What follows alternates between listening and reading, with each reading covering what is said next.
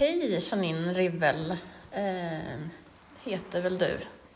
Eh, vad är din yrkesroll? Jag jobbar som koreograf och dansare, bor i Eskilstuna.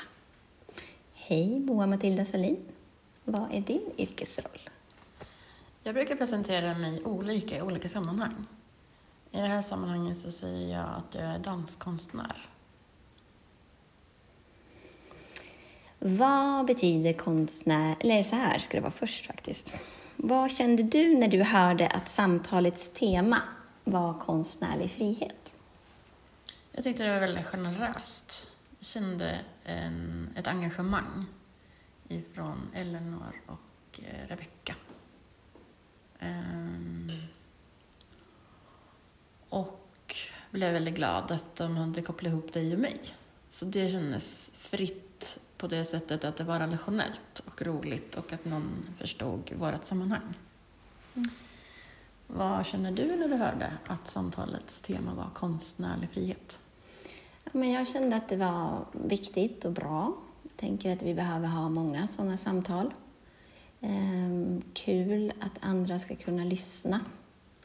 För jag tänker att vi samtalar ju kontinuerligt i våra praktiker och sammanhang, bland annat om armslängds avstånd och frihet och huret väldigt mycket för att kunna verka. Så det kändes bra. Och sen har det varit väldigt mycket prat också liksom från andra håll har jag upplevt, eh, både kommunalt och tjänstemän på både regional och kommunal nivå som pratar om det på ett annat sätt än innan covid. Ehm, så det tycker jag också var intressant att det liksom aktualiseras. Jag tror att det är nödvändigt. Mm. Eh, nästa fråga har eh, Elinor och Rebecka formulerat så här. Vad betyder konstnärlig frihet för dig i ditt konstnärliga utövande? Ja, men för mig så innebär det att jag kan ska kunna välja tematik eller kritik och vrida och vända och dra och spänna bågarna på det sättet som jag tycker är nödvändigt eller intressant i relation till hur jag vill kommunicera och i vilken dialog jag vill vara i. Um, så det betyder väldigt mycket. För att det blir också för mig i de konstnärliga valen att det där i någonstans, någonstans liksom den konstnärliga kärnan ligger i ens praktiserande. Och den behöver värdas och, värnas och skyddas, för den kan vara väldigt utsatt. Mm. Och för dig Moa, vad betyder konstnärlig frihet för dig i ditt konstnärliga utövande? Mm, det handlar faktiskt mycket om resurser. Eh, och... Eh, då menar jag resurser som tid, eh, rum, kollegor. Eh, jag upplever att de idéer jag har är, är väldigt mycket utrymme att jobba med, väldigt fritt. Eh, det som begränsar att jag kan göra det mer och djupare och bredare och alla olika riktningar som är intressanta är oftast eh, resurserna för det arbetet. Oftast är det faktiskt tid att få eh, alla människor som en vill jobba med i samma rum och i samma mm. tid och att vi är på eh, har ett, en, jobbar liksom liknande med de frågorna som jag är intresserad av att fråga oss. Mm. Mm. Om du tar tempen nu då på den konstnärliga friheten idag, för dig och dina kollegor, vad ser du då? Jag ser att det känns osäkert. Jag mm. ser att det är mycket som i och med det valet vi har haft, men också innan, att det begränsas, att det går fort. Ehm, jag ser, jag är ganska orolig för framtiden. Mm, tänker och försöker skapa platser där man kan ta armkrok och luta eh, på varandra. För jag tror att det är viktigt att man inte är själv, utan att vi är flera hela tiden, i alla sammanhang. Ehm, så jag tycker att det är läskigt, skulle jag säga, mm. framåt. På grund av politik, politiska läget, krig och eh, eh, rasism. Mm. Eh, om du tar tempen, Moa, på konstnärlig frihet idag för dig och dina kollegor, vad ser du då? Mm, ja, men jag känner egentligen en jättestor skräck och rädsla. Eh, jag har redan sett flera konstnärer som utsätter för hot och hat.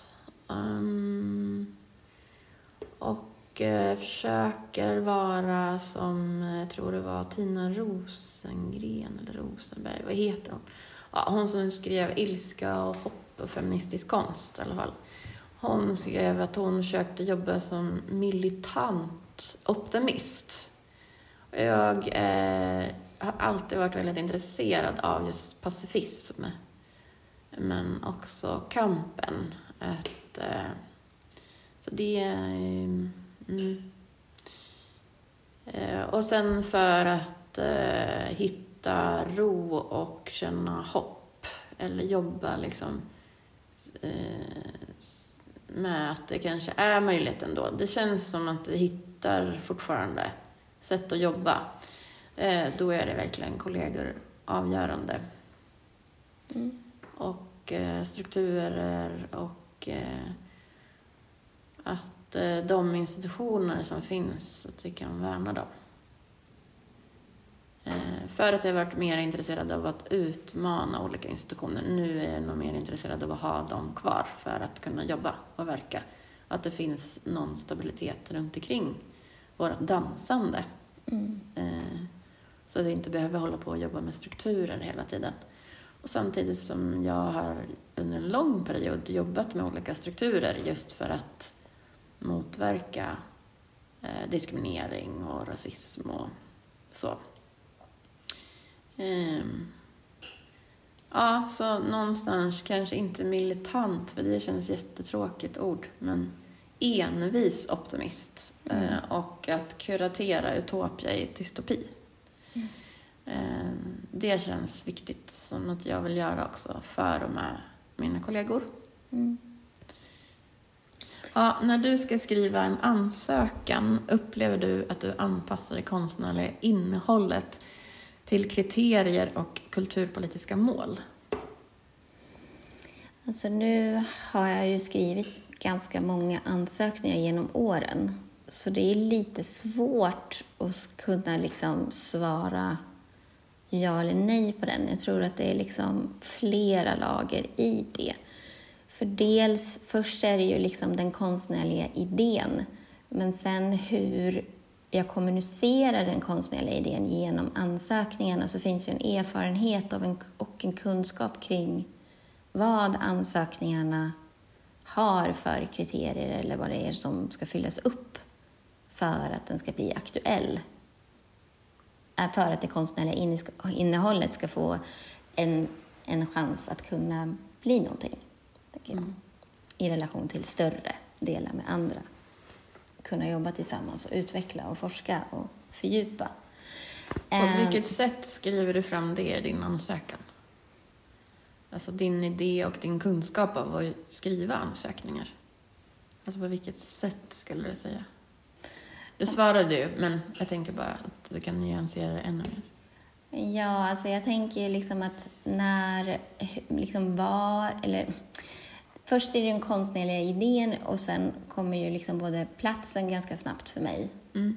och målgrupp eller oavsett om det är liksom från 0 till 100 eller eh, vilka som det här verket ska delas med eller hur, det, hur jag vill att dialogen ska se ut och sammanhanget. Um, och det, I det så är det ju olika kriterier på olika platser. Alltså kommunalt finns en liksom hel en version, ett sammanhang. På den regionala nivån ett annat och sen på Kulturrådet och Konstnärsnämnden ett tredje och ett fjärde. Men sen också i relation till bygdegårdarna eller eh, arrangören i, i Hälleforsnäs och så vidare. Där blir det ju liksom också ytterligare hur de har sitt uppdrag och vad deras syfte är i det. Eh, men jag skulle säga liksom att ja, det ansökan anpassas till kriterierna och de kulturpolitiska målen. Ja, känner jag. Mm. Mm. Vad blir effekten? Eh, liksom frågan på frågan.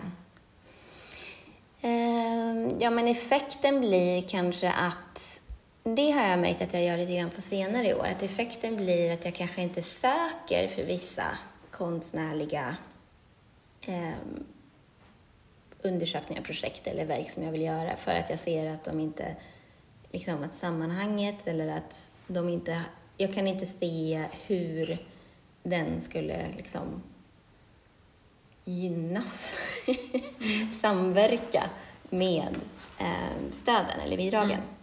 Och jag tänker att det är också liksom, och då får det vila och sen har det ju hänt liksom att det har legat och vilat och sen kommit upp och så har jag kunnat artikulera det mer och fortfarande behålla integriteten kring den konstnärliga kärnan. Ehm, men ehm, det är svårt att separera för att jag är beroende av stöden för att kunna verka. Så tänker jag. Mm.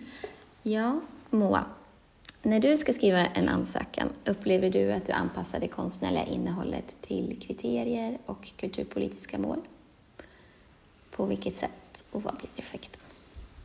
Mm, jag eh, gjorde ett, eh, jag tog ett beslut 2006 att eh, jag gör konst för att eh, jag vill göra konst och konsten är dans och dansen är koreografi. Eh, och eh, jag gör en idé. Jag börjar med en idé och dansar den och undersöker den i min egen kropp först. Och sen så börjar jag skriva fram den.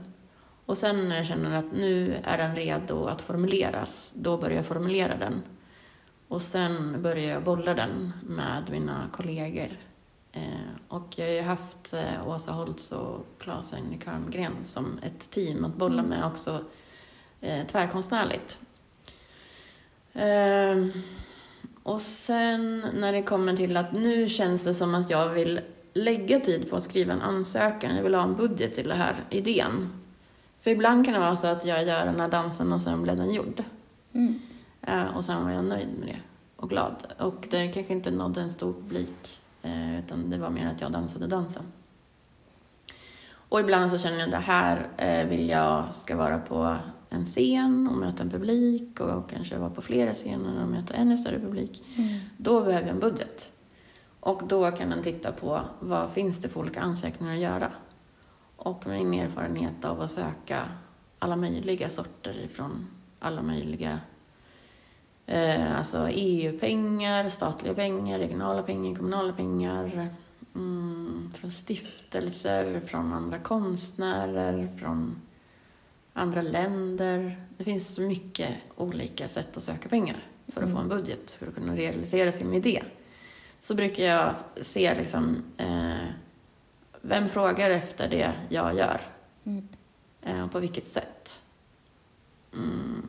Och sen så försöker jag behålla idéns integritet.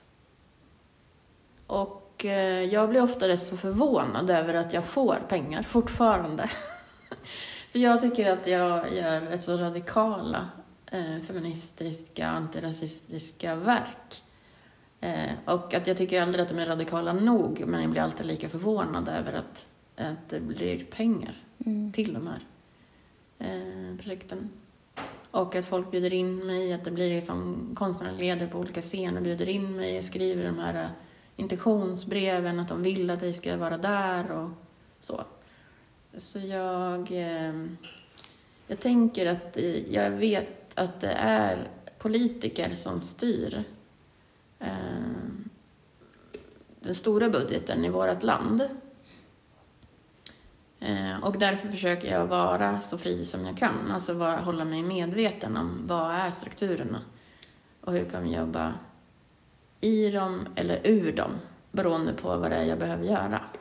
Mm. Eh, och som vi var inne på förut så tänker jag att om, eh, om man jämför också med USA, du har ju också jobbat där. Mm. Där finns inte Kulturrådet eller Konstnärsnämnden eller regionala pengar, kommunala pengar.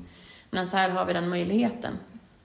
Så då känner jag att det är en frihet att jag kan söka de här pengarna.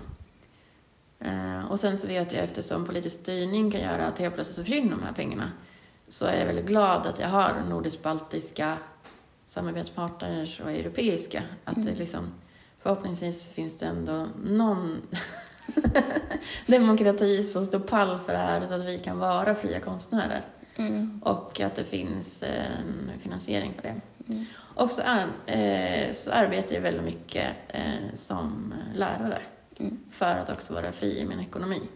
Att jag skapar en slags basinkomst för mig själv. Mm. Så att jag kan välja att säga nej till vissa uppdrag. Eh, det skapar frihet för mig. Mm. Moa, vill du säga någonting om eh, hur kan instanser och konstnärer hantera den beroendeställning, beroendeställning det innebär för konstnärer att söka medel? Alltså jag tycker om regler. och jag tycker om struktur. Mm. Och eh, jag tänker att vi har också tillsammans på olika sätt konstnärer och tjänstemän och tjänstehän och den och den och olika instanser jobbat för att strukturerna ska passa oss konstnärer Mm. eh, och också publiken eh, och också liksom väder och vind här. Så jag gillar att vara eh, i visst beroende till att någon har satt en tid. Mm. Det är den här tiden som den här ansökan är öppen och här stänger den. Det hjälper mig i relation till andra kollegor till exempel att säga så här, eh, nu behöver jag din CV. Mm. Eh, nu behöver vi få den här uh, trailern gjord till, utifrån de labben vi har gjort och så. Så jag liksom vrider och vänder på det där med beroendeställning. Det är liksom... Mm, jag tänker att det finns många olika nyanser i det. Eh, och sen till att just söka medel. Alltså det finns ju också eh, olika år eh, eftersom jag har varit verksam i, i decennier. olika år så är det olika tjänstehän som eh, signalerar att eh, varför söker inte konstnären de här? Liksom. Mm. Nu tog vi ju fram det här för att eh, ni ville att vi skulle ha det här. Så att det är också en, den, alltså om man ska kolla då utifrån instanserna, eh, att de står i beroendeställning till att vi gör konst Mm. och att vi söker de här medlen och säger att vi har behov av dem för att vara fria och för att Mm. uttrycka det vi vill uttrycka och verka i det vi vill verka med. Eh, och det tycker jag är intressant att liksom när det blir en, när det vänder, att vända på det liksom att just eh, att som konstnär liksom på ett sätt eh, eh, praktisera självledarskap och säga så här, det är Kulturrådet och Konstnärsnämnden och regionen och kommunerna och Sverige och Norden och Europa och världen som behöver mig. Mm. Eh, det är ju att ta makten över sig själv. Mm. Eh, det är inte lätt, det kan kallas hybris, eh, det kan eh, vridas och vändas på. Men jag tänker att eh, det är också så många gör. Mm. Och det blir också en ekonomi i det. Att du kan också hålla på och jobba med ditt varumärke och säga att du är störst, bäst och vackrast. Mm. Och det skapar också en typ av relationer och en beroendeställning inom dig själv, Mm. till dig själv. Vi har ju pratat här under dagen om influencers till exempel, som på ett sätt kan urholka sig själva och bara bli ett skal. Mm. Ehm, Så jag tänker också på att eh, jag har ju valt eh, att min plattform heter Moa Kompani. Att det är jag och alltid flera. Mm. Men det är jag som tar ansvar för det. Och det är jag som säger, nu vill jag göra det här med de här. Så eh, jag tänker att det är också som Sara Berg, tror jag har sagt någon gång, poeten som du också har jobbat med. Mm. Att det är också lite fint att vara lite skyldig någon något. Mm. Att det blir liksom också så här att vi är beroende av varandra som människor. Och att eh, inta olika roller skapar en koreografi, Mm. en social koreografi. Och eh, eh, jag tänker också att det är därför jag har jobbat fackligt. Jag har haft roliga samtal med Elinor om det. Eh, alltså så här, hur många dansare är det som engagerar sig fackligt för att vi ska få bättre villkor? Mm. Vem har fritid som den kan lägga på det? Eller vem har kunskap? Eller hur snabb är man? Så, här. så jag tänker också att jag anser att vi har makt som dansare och koreografer. Och sen hur vi ska utöva den tillsammans. Det är det som det hela tiden står och väger med. Också hur engagerar man sig liksom, i de olika institutioner, organisationer, fackföreningar, scener, plattformar vi har byggt. Mm. Ehm, och inte ta dem för givna. Liksom. Ja. Ja. Mm. Jag, jag tänker på det när du pratar om de här samtalen, många samtalen just om hur, ja men vad gör du? och varför ska, och, och, och vad tänker du att jag ska göra med det? Alltså den kan jag känna har varit, är väldigt liksom olika på olika nivåer när man pratar om samverkan eller sam, söker stöd eller i olika instanser i Sverige, platser, kommuner, regioner. Ehm, att liksom vara i att båda, den är inte alltid självklar. Ehm, den är alltid lite knepig kan jag tänka, kan jag tycka. Kan Men- du nyansera eller förtydliga vad du sa? Ja, men som till exempel liksom i samtal med en kommuntjänsteperson till exempel. Att det kan vara knepigt liksom, ja men varför ska just du göra det här? Vad är det som, vad är det som gör att vi ska satsa på dig? Och vad blir effekten av det? Om vi satsar så här mycket pengar på det här projektet, vad blir den mätbara effekten? Alltså rent liksom, konkreta sådana samtal. Och de är ju väldigt svåra i relation till beroendeställningar där en själv sitter oavlönad och den andra lönad. Och, ehm, mm, och sen också i relation till maktpositionerna. Ehm, för även om jag kan lyfta varför och effekterna och huret så är det ju ändå av vikt att den andra personen, den andra där som sitter på besluten förstår eh, förstår liksom vad konsten och kulturen gör. Och det är inte alltid självklart. Nej. Så tänker jag, i relation till beroendeställning. Alltså att det hela tiden är en zigzag, alltså en vad heter det, gungbräda. Mm. Och att i de sammanhangen när den där gungbrädan verkligen så här, zzz, då är, har man ju en bra dialog. Och de vill man ju hålla kvar. Men ja, sen är det ju liksom, folk byts ut och så vidare och så blir det en ny och så får man börja om den där gungbrädan. Och det tänker jag också i relation till beroendeställning men också i relation till hållbarheten Mm. I ens profession och i ens verkning. Alltså i ens livsarbete. Stora ord. Att den är ju... ehm, den, är- den är... Det är inte alltid liksom... Ja, ibland så behöver det... Ja, men den rörelsen. Jag tycker den rörelsen är intressant. Jag jobbar ju, tycker det är jättespännande med rörelser. Ja. Ja, det är lite mer- därför vi sitter här. Ja. Jag har inte så mycket mer att säga om det, men jag tänker liksom ofta på det för att det är så Ja. Mm. många sådana samtal jag har på olika nivåer. Som just liksom, där den här äh, gungbrädan inte alls är liksom i någon rolig gungbräda, utan den är bara trög. Men vad gör du då? Ställer du upp och går? Eller eh, börjar du argumentera? Eller? Ofta så börjar jag argumentera för att se om det finns något uns av liksom att man kan mötas, främja, alltså berätta om konsten och främja konsten och öppna och zooma ut och prata om liksom eh, kollegialet och liksom mängden. Att det inte blir liksom en individ som sitter liksom du, du, du. Andra det är ju värden och ja, sådär. Mm. ja. Eh, men om det inte finns öppningar så har jag ibland sagt tack och Mm. gått. Och sen kanske det tar eh, några år innan, innan det området får besök igen. Liksom.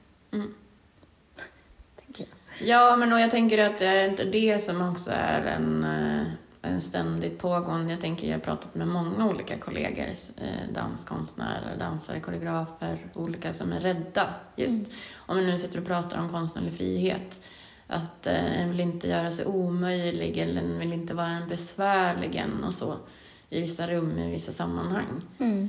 Eh, och det kan jag se begränsar den konstnärliga friheten ibland. Mm. Och eh, där tänker jag, har du något tips? Eh, jag tänker, du har ändå jobbat väldigt, alltså, jag tänker för mig så har det varit liksom Göteborgs stad och Värnamo kommun har verkligen hjälpt mig på extremt många olika sätt. Mm. Eh, men också att jag vet lite grann vad den ena kommunen kan göra och vad den andra kan göra. Mm. Eh, och jag kan liksom inte begära mer eh, av den ena, men mer av den andra. Mm. och eh, att jag har redan en upp, liksom, bra dialog med handläggare på det ena stället och att det inte Mm. finns handläggare på andra stället. Och, så. Mm, och sen också regionala handläggare och statliga. Så att jag tänker på när man ses på ett större sammanhang som Dansmässan Mm. eller Scenkonstbiennalen eller de här olika. Att Mm. då blir det ju också det här, alltså det, vi bor ju i ett väldigt litet land. Så den här relationella tjänstepersoner och dansare och vem som har varit dansare och nu kanske en tjänsteperson. Det kan ju Mm. också bli, Ja. ja, att det blir olika kluster ibland kanske som Mm. eh, där det finns en, liksom, man bygger upp eh, ekosystem till varandra. Eh, ja. Du frågade om jag hade tips. ja.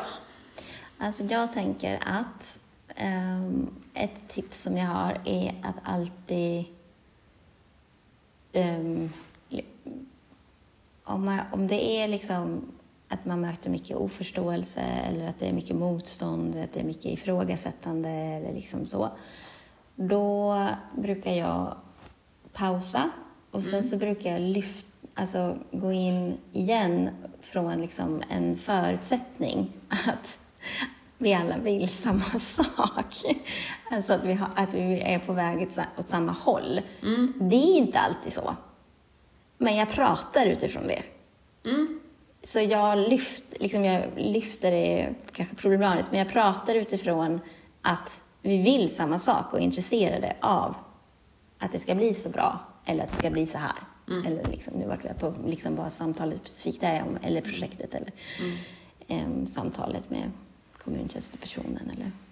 Så det är väl liksom det tipset jag har, att man lyfter samtalet. ja, ramar in det.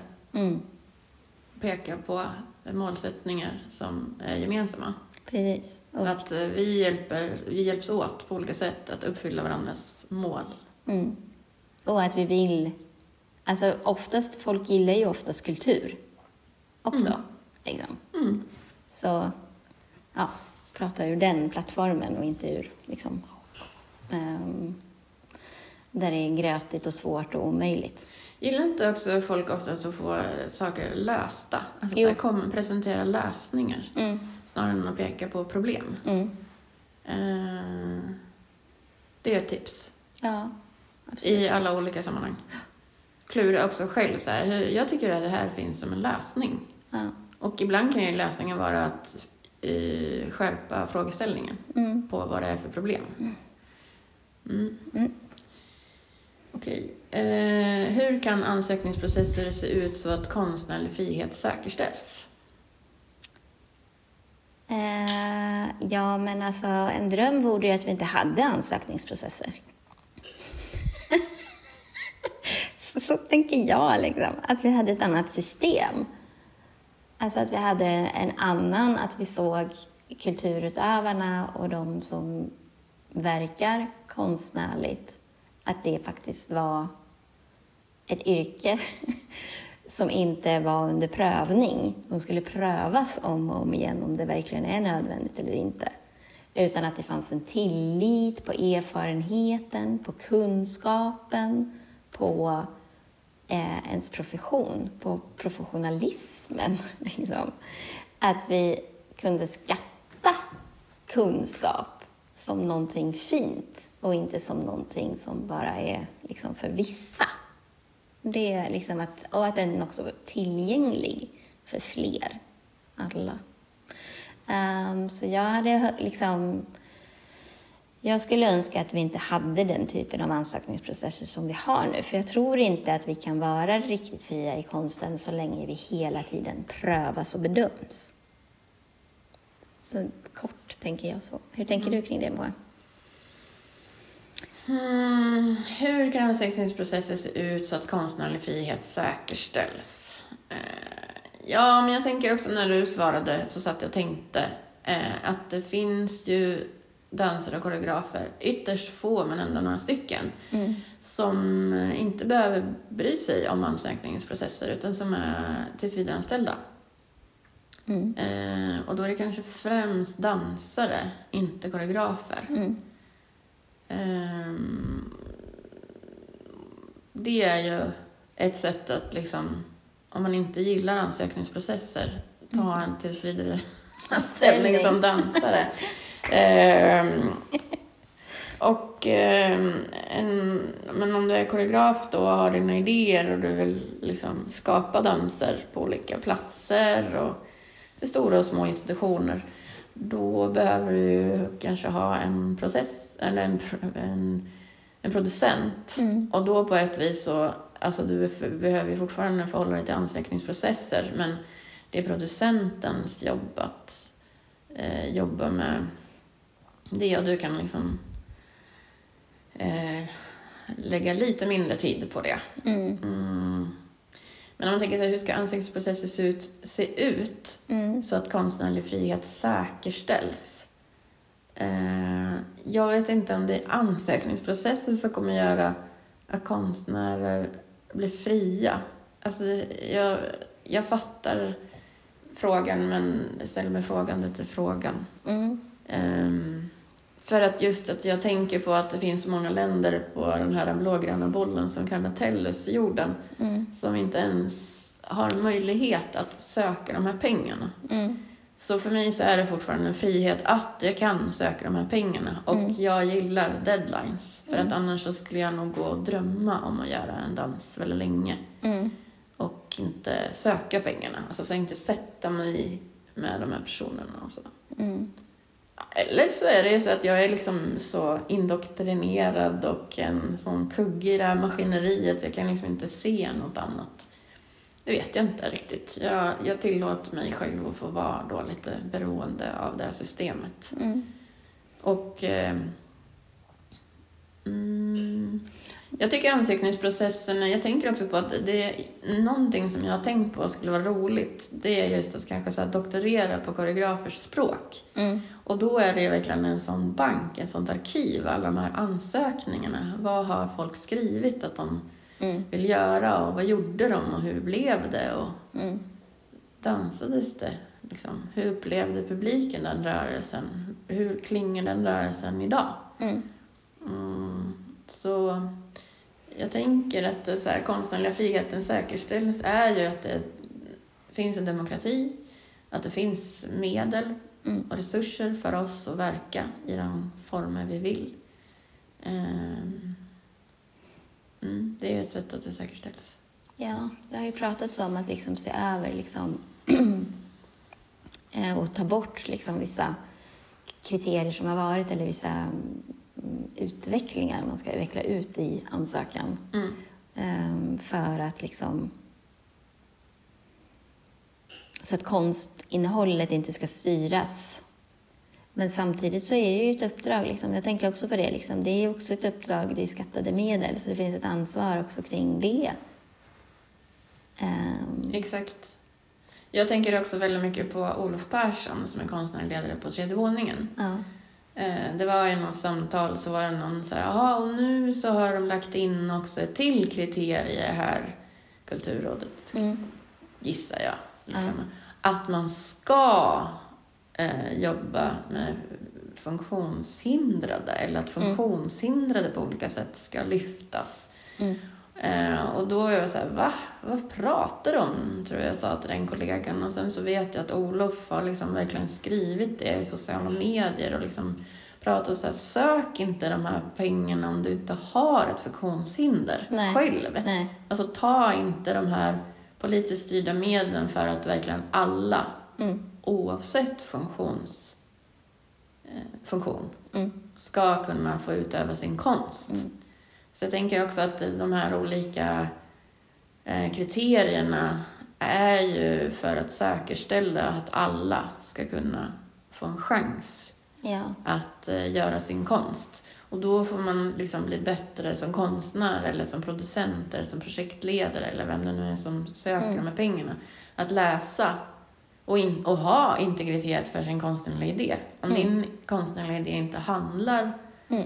Om eh, någon typ av queer-teori eller om inte du upplever någon typ av könsdiskriminering, nej men förhåll dig inte till det då. Nej. Eh, Medan vissa behöver förhålla sig till det. Mm. Eh, inte för att de vill, utan för att det är diskriminering i Mm. världen. Mm. Så där menar jag på att så länge det är en demokratisk eh, styrning på de här medlen så är de här kriterierna ju eh, framtagna. Det är folk som har jobbat ideellt länge Mm. för att de här kriterierna ska stå där. För att det ska kunna bli, få en chans som någon som har funktionshinder Mm. att ens anses vara konstnär. Mm. Jag har funderat ibland på liksom, om man skulle liksom så här, läsa alla ansökningar och, och att liksom, det håller konstnärlig höjd och alla de här begreppen. Och, ehm, det finns förtroende för dem som ska göra det, erfarenhet, eller det behöver inte vara erfarenhet, men det finns liksom ändå man kan se liksom, att ah, men de här kan erf- erfara. Och, ehm, då, och sen då att man ehm, skulle liksom lägga alla de här ansökningarna och sen köra en tombola. Liksom lotta. På så sätt skulle man liksom kanske få ner antalet kriterier. Men samtidigt så skulle man ju sen inte kunna spåra då. Det skulle också kunna vara problematiskt. Um, ja, jag har inte lösningen, tyvärr. Men um, jag tänker lite på det. Um, nästa fråga är ju då eh, vad är konstnärers roll i att försäkra att principen om armslängds avstånd fungerar och efterlevs? Vad är konstnärens roll i att försäkra att principen om armslängds avstånd fungerar och efterlevs? Ja, men det är ju till exempel, tänker jag, att resa sig upp och gå ur vissa möten. Ehm, och engagera sig fackligt och att eh, fortsätta kampen för att vara fri. Och då tänker jag att där vi sitter här nu då i eh, lilla Ulfåsa, Fågelsta. Eh, för hundra år sedan så var det kvinnor som skapade sig själva rösträtt. Alltså de verkligen kämpade för att vi skulle få rösta och vara demokratiska medborgare. Eh, och att eh, det är ju inte självklart eh, överallt på jordklotet att kvinnor är fria medborgare Nej. och att vi har ett intellekt och att våran kropp är våran och så vidare och så vidare. Utan det är ju ständigt hotat och har alltid varit. Men vi hoppas och tror att det inte ska vara så länge utan att vi ska kunna vara fria konstnärer och leva våra liv så som vi vill. Mm. Så när någon eh, inte har armlängds avstånd så måste vi protestera. Mm. Och För det har konstnärer alltid gjort med sina liv för att vi ska kunna sitta här och prata om det. Mm. Annars skulle vi inte kunna sitta här som två medelålders kvinnor som lever familjeliv och eh, är fria utövande danskonstnärer. Mm. Det var omöjligt för många för hundra år sedan. Och är fortfarande omöjligt för väldigt många i världen. Mm. Mm. Så ha modet och ryggraden att resa sig upp och gå. Och när det handlar om att sitta i samtal och i möten där det handlar om att du ska få ett uppdrag eller att du ska eh, se till att den här kommunen, regionen, staten, eh, sammanhanget eh, ska uppfylla dina konstnärliga mål Mm. så är det att kämpa. Och Mm. också ta hjälp. Ta Mm. hjälp av facket, ta hjälp av eh, andra organisationer, Mm. eh, ta hjälp av kollegor. Mm. tänker det finns många som har organiserat sig på många olika sätt. Och att eh, vara nyfiken på hur folk löst de här svåra, svåra, komplexa frågorna förut. Mm. Hur tänker du? Nej, men jag håller med dig. Ehm, jag håller med. Jag tänker också, alltså jag tänker också att det också ibland är Ibland är det att gå och ibland är det att stanna kvar Exakt. Mm. och säga så här Mm. kan jag göra. Jag kan inte göra det du ber om. Liksom, att verkligen liksom ta den dialogen. Jag tänker också på det som vi pratade om lite tidigare. Att liksom också eh, kunna... Alltså att använda sig av den positionen och den makten man har. Eh, och inte göra sig mindre. Jag tänker liksom på, ta, på om en journalist ringer eller om det är en kulturdebatt. Eh, om man är inbjuden eller inte inbjuden. Gå dit, ställ frågor. Alltså den aktivismen. Att, vara en, att bygga vårt samhälle är ju en aktivitet. Att ha demokrati är, sker genom ett görande. Och den, det tror jag är väldigt viktigt också i våra, liksom, i, i liksom pingpongsamtal, men också i liksom rundpingis. Ja, exakt. Ja, men hörru, du, nu, vi är väldigt bra på att prata. Eh, vi har nu pratat i 50 minuter, så en, max en timme. Jag tänker att vi lägger några minuter här nu på de sista frågorna. Mm. Är konstnärlig frihet viktigt? Ja. det är jätteviktigt. Jag tänker ju liksom att ehm, konsten, alltså konstens förmåga att få en att reflektera, att tänka på nytt, att tänka igen, att tänka om, är vad mänskligheten behöver. Och vi har inte så många platser och rum för det i den här stressen med pengar, jobb, makt, eh, status, pengar, alltså hela den, i hela det hjulet. Så konstens frihet är jätteviktig just för att vi kan kritisera, vända på steken eh, och eh, liksom visa andra möjligheter, visa på hur saker är för att få en förändring. Eh, Så för mig så är konstens frihet och konstnärlig frihet jätteviktig.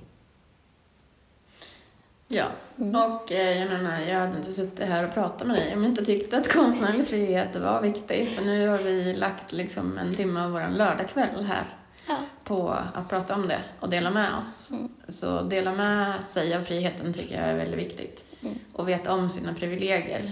Jag tänker på när jag var i Helsingfors och Sonja Lindfors inledde UA Talks.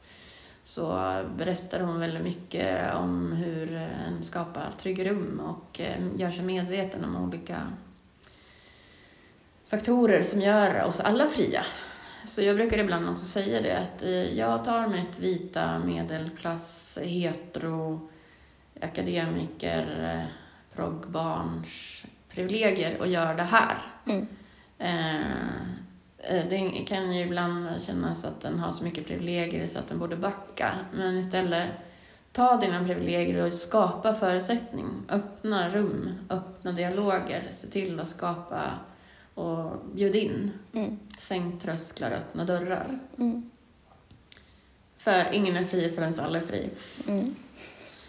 Ja, om du drömmer, hur ska konsten vara fri?